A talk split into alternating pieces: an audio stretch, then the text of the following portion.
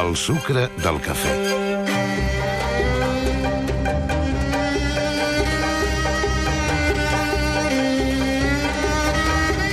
Els aparadors d'un centre comercial de Caracas criden l'atenció aquests dies. Figuren que són una aula i hi ha quatre maniquins que són els alumnes, tres noies i un noi amb l'uniforme escolar. El que sobta és que els maniquins noies simulen que estan embarassades. Es tracta de la iniciativa d'una ONG que vol alertar sobre els embarassos entre adolescents.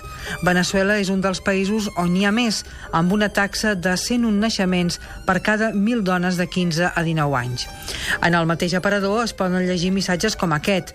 A Venezuela, cada 3 minuts es queda embarassada una adolescent de menys de 18 anys. O com aquest altre, una mare prematura no podrà continuar els seus estudis.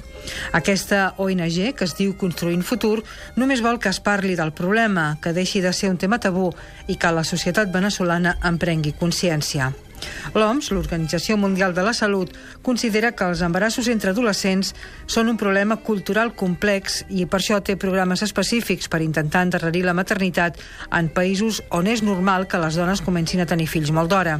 Es calcula que uns 16 milions de nenes entre 15 i 19 anys pareixen cada any i que un 95% d'aquests naixements són en països en desenvolupament.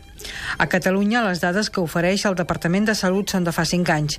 Indiquen que la taxa d'embarassos adolescents entre 14 i 17 anys és d'11,8 per cada 1.000 dones. A la franja de 15 a 19 anys, la taxa s'enfila fins als 29,2 embarassos per cada 1.000 dones. Als països desenvolupats, la majoria d'embarassos adolescents no són desitjats i n'hi ha molts que acaben en avortament. La informació sexual arriba amb normalitat als nostres joves que tenen a l'abast tots els mètodes anticonceptius que necessiten, dels preservatius a les píndoles de l'endemà.